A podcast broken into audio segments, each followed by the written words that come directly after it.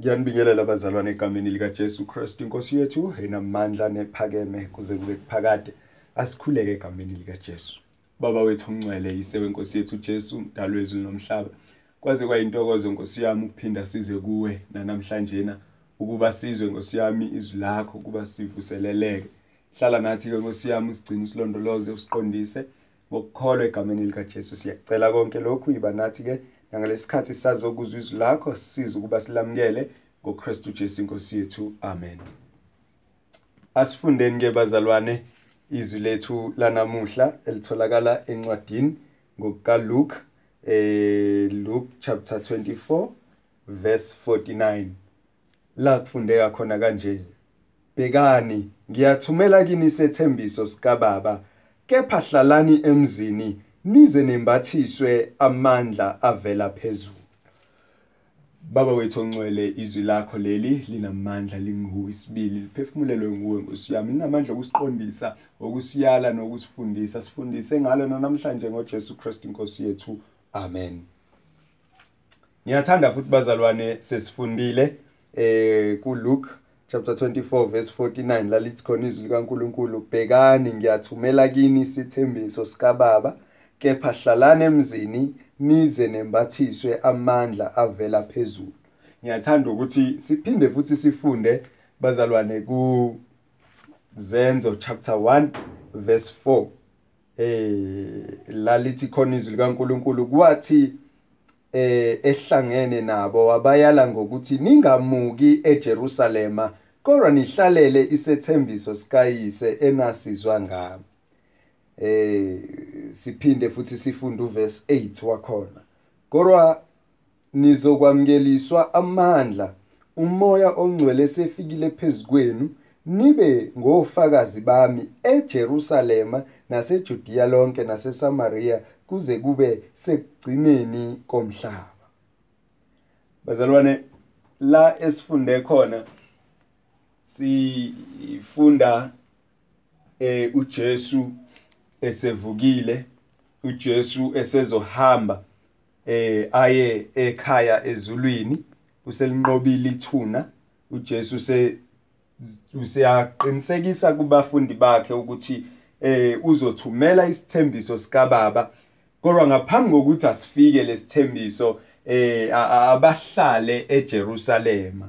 And mawufunda kahle eh lithi iBhayibheli emva kokwenyuka kaJesu noma mawufunda nje ubala izinsuku emva kokwenyuka kaJesu bahlala 10 days bese bamkeliswa umongcwele kwafika umongcwele. After 10 days from usuku uJesu akhushulwa ngalo. Kodwa bazalwane sibheke kuko ukucelebrate eh usuku lwePentecost ngesonto. Sizothola intshumayelo eqondene nako lokho. Kodwa namhlanje ngifuna sibheke lamazwi uJesu awashoyo noma amazwi uLuka awabalulayo asho uJesu ukuthi hlalani eJerusalema nihlale eJerusalema nihlale emzini. So njalo kuLuka uthi kepha hlalani emzini.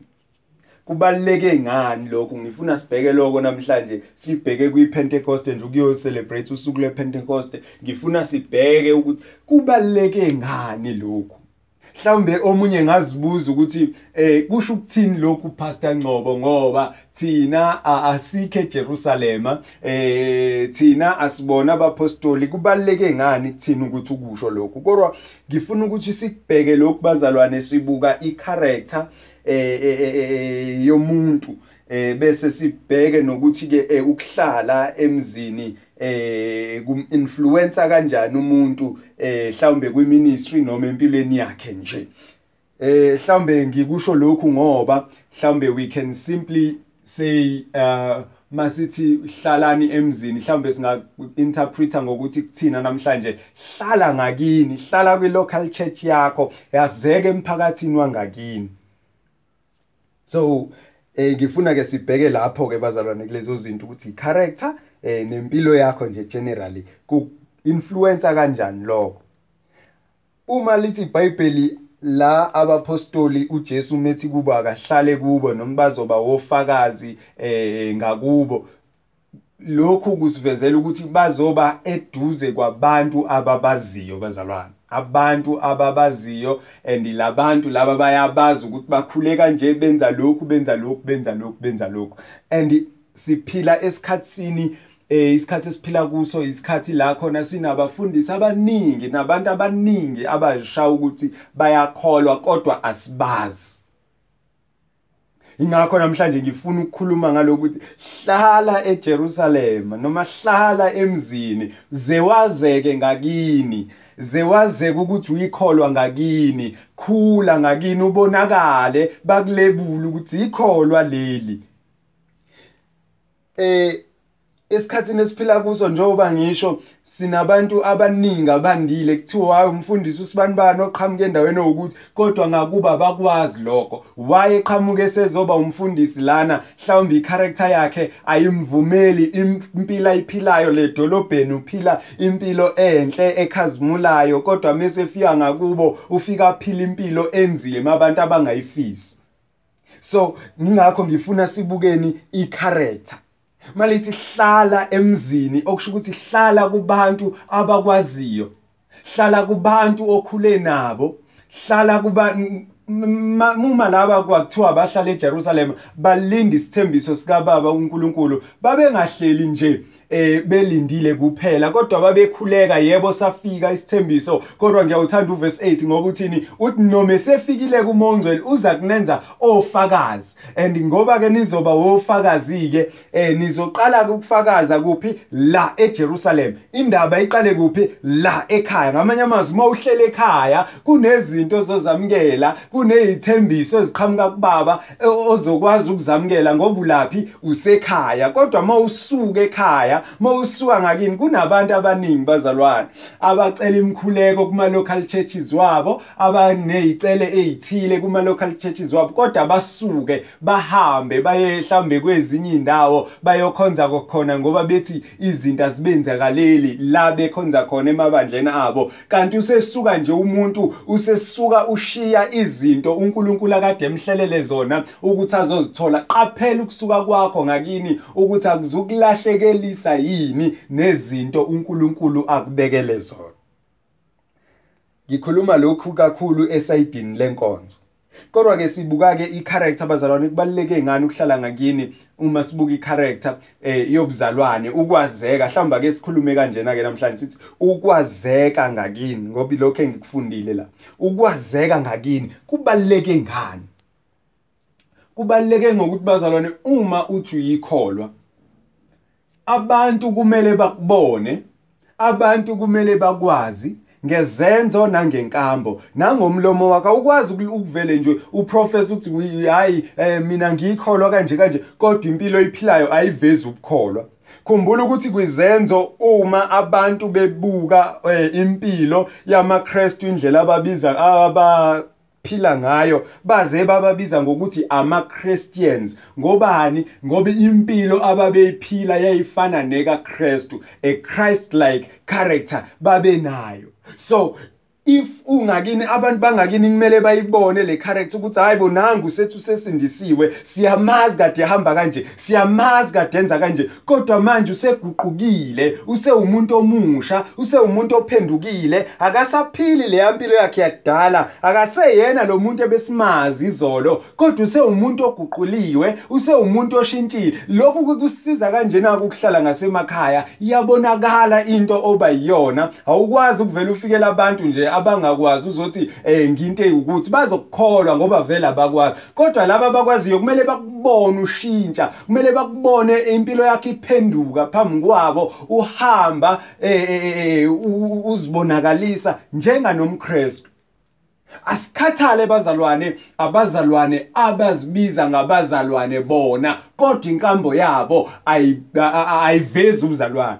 Ngoba deleleka kanjena ukukholwa kwethu ngenxa yokuthi sihamba nabantu abaphila impilo embaxambili. Khona abantu abazibiza ngabazalwane uma besemabandleni kodwa uma bengasemakhaya abaphila impilo nje yobudlova.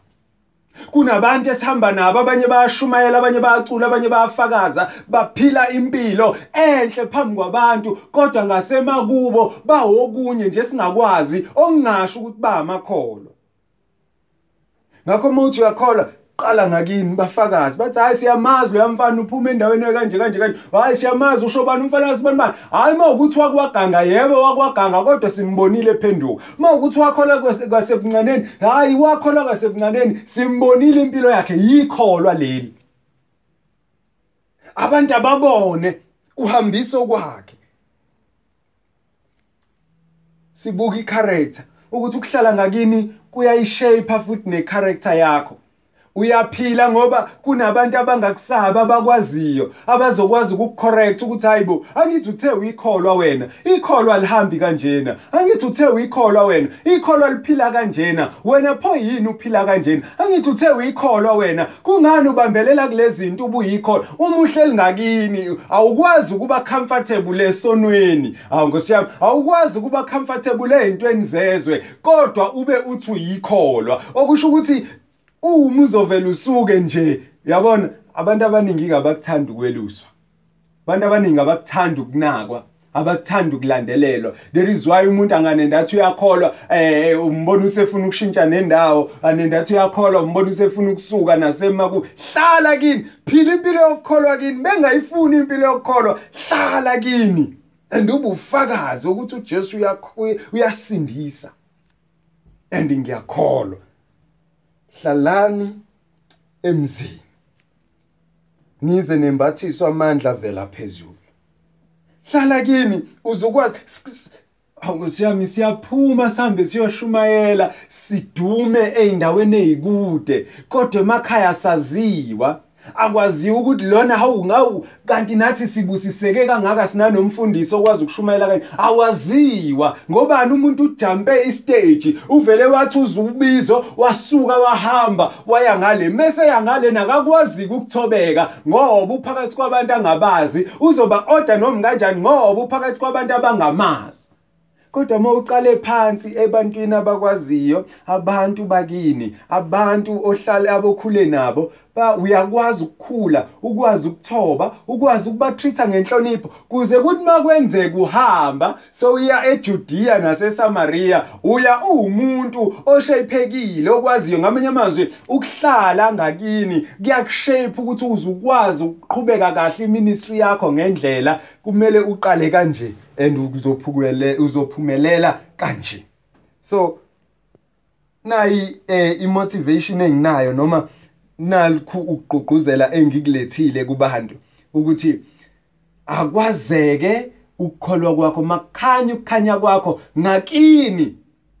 Makhanya ukukhanya kwakho ebandleni okulo. Musukuthi ngoba nakho uthi ubiziwe wena ebese uyasuka upapuruke ugijima uyele kude endaweni ezikude cha qala useve khona la lize likubone nebandla ukuthi hayi ngampela ngampela cha usibani bani ubiziwe? And njengoba ethi ubiziwe inkosi nathi yakufakazela lokho ukulungela ukuthi angahamba ayoqala umsebenzi noma ayoqhubeka nomsebenzi lapha. Hlala kini. Hlala kini bezalwane uhlale kini? Hayi ngisho naseyintweni ezirelated kwezenyama kuphela. Kunabantu abagude ekuhlonipheni eh umfundisi. Noma upastor noma umama umfundisi noma bani osesikhundleni esontweni kodwa emakuba bahloniphi. Bazalwane asibheki kuphela okubhekene noma kodwa nempilo yethu imbala kumele isiveze ukuthi asikwazi ukuhlonipha abantu basesontweni kodwa basemakhaya singabahloniphi. Ngamanye amazwi sihloniphe esontweni sihloniphe emakhaya sihloniphe emakhaya sihloniphe esontweni. Qala kini ayiqale kini lento iphume.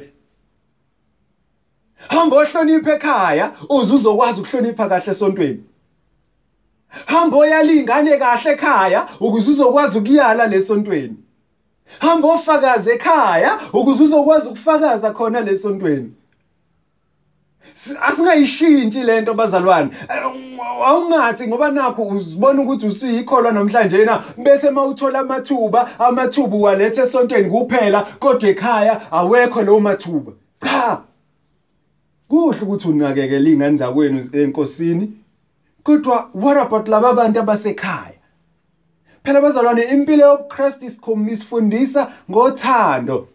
And uma sinothando awukwazi ukuthanda umakhelwane wakho ungathandi kwakho.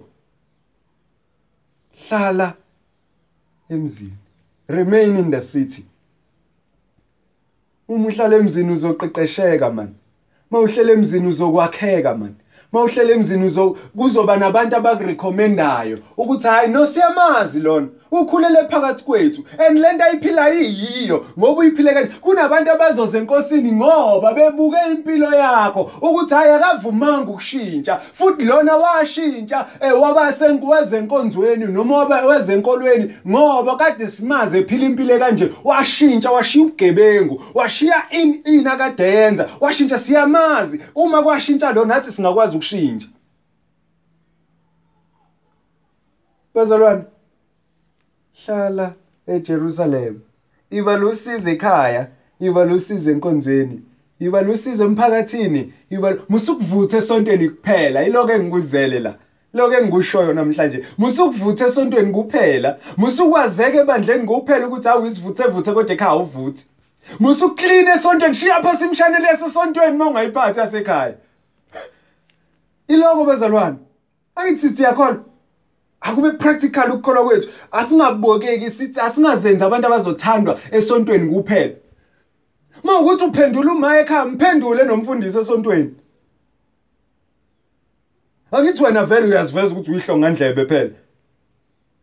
Uma kuwukuthi awulalela ekhaya musukulalela musukuzenza olalelayo nasesontweni ngoba vele lento eyishoyo ingena ngapha iphume ngapha. Phila impilo eyodwa uma umzalwane be humble. Thobeka ukhonze wazeke. Abathi bekuthuka ngakini noma bekuthuka benjalo kodwa bazi ukuthi awushintshi abathi bekuncoma ngakini bekuncoma benjalo kwazeka ukuthi awushintshi umzalwane and abantu babukeke hlala eJerusalem. Awungathi ngoba nakho usuzubizo bese uthi hayi ke awuthi ke ngiyovula ke imi and myself ministries. No! Hamba seva kuze kushiye uzuthunywe musuku uzithuma thunywa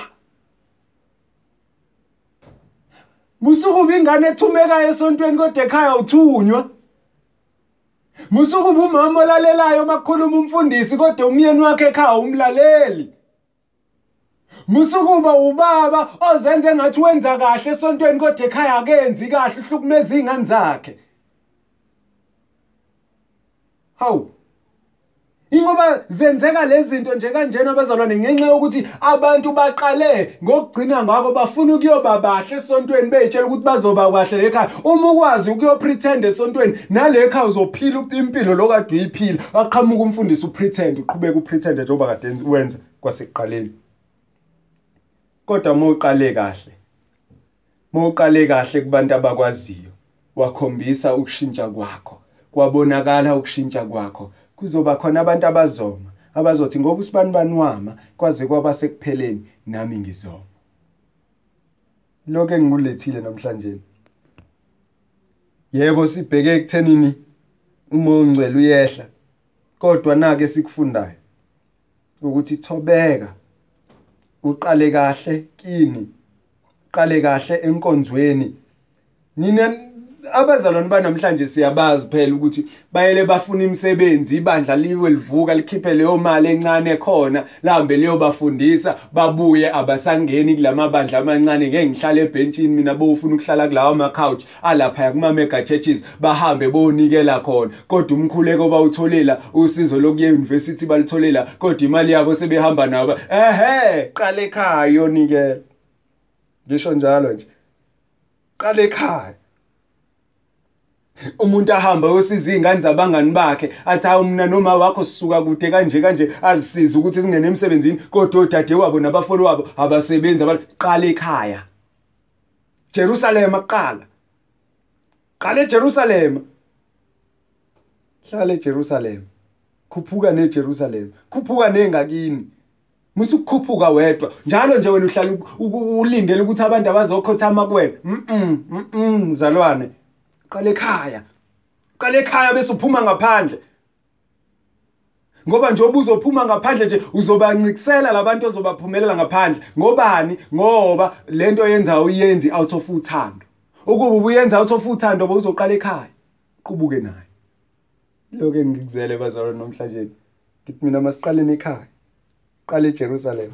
Hlala eJerusalem. Remain in the city. Akwazeki ukuthi ubani wena la eJerusalem. Akwazeki ukuthi ubani wena la ukhonza khona. Akwazeki ukuthi ubani wena la uhlala khona kini. Akwazeki akwazeki ukuthi ikholwa leli. Ithi noma ubhekele basha abantu nali nangumKristu. Yebo abantu bohlala benako abangakuthiwa ngabo kodwa musu ukubanikeza izizathu. Qedile. Hlalani eJerusalem. Noma senimamukelile uma ongcwele uzonenza ofakazi bami kuqala laphi la eJerusalem bese kuyaphuma kuyangaphandle Musa ukufuna ukuyoqala ngaphandle ushiya izinto zonakele ekhaya. Musa ukufuna ukuyoqala ngaphandle ushiya abantu bengakholwa ngakini. Abakuyeke bazi ukuthi ubatshelile. Ngithe sengiqedile asikhuleke. Baba wethu ongcwele yise wenkosi yethu uJesu dalo wezulu nomhlaba.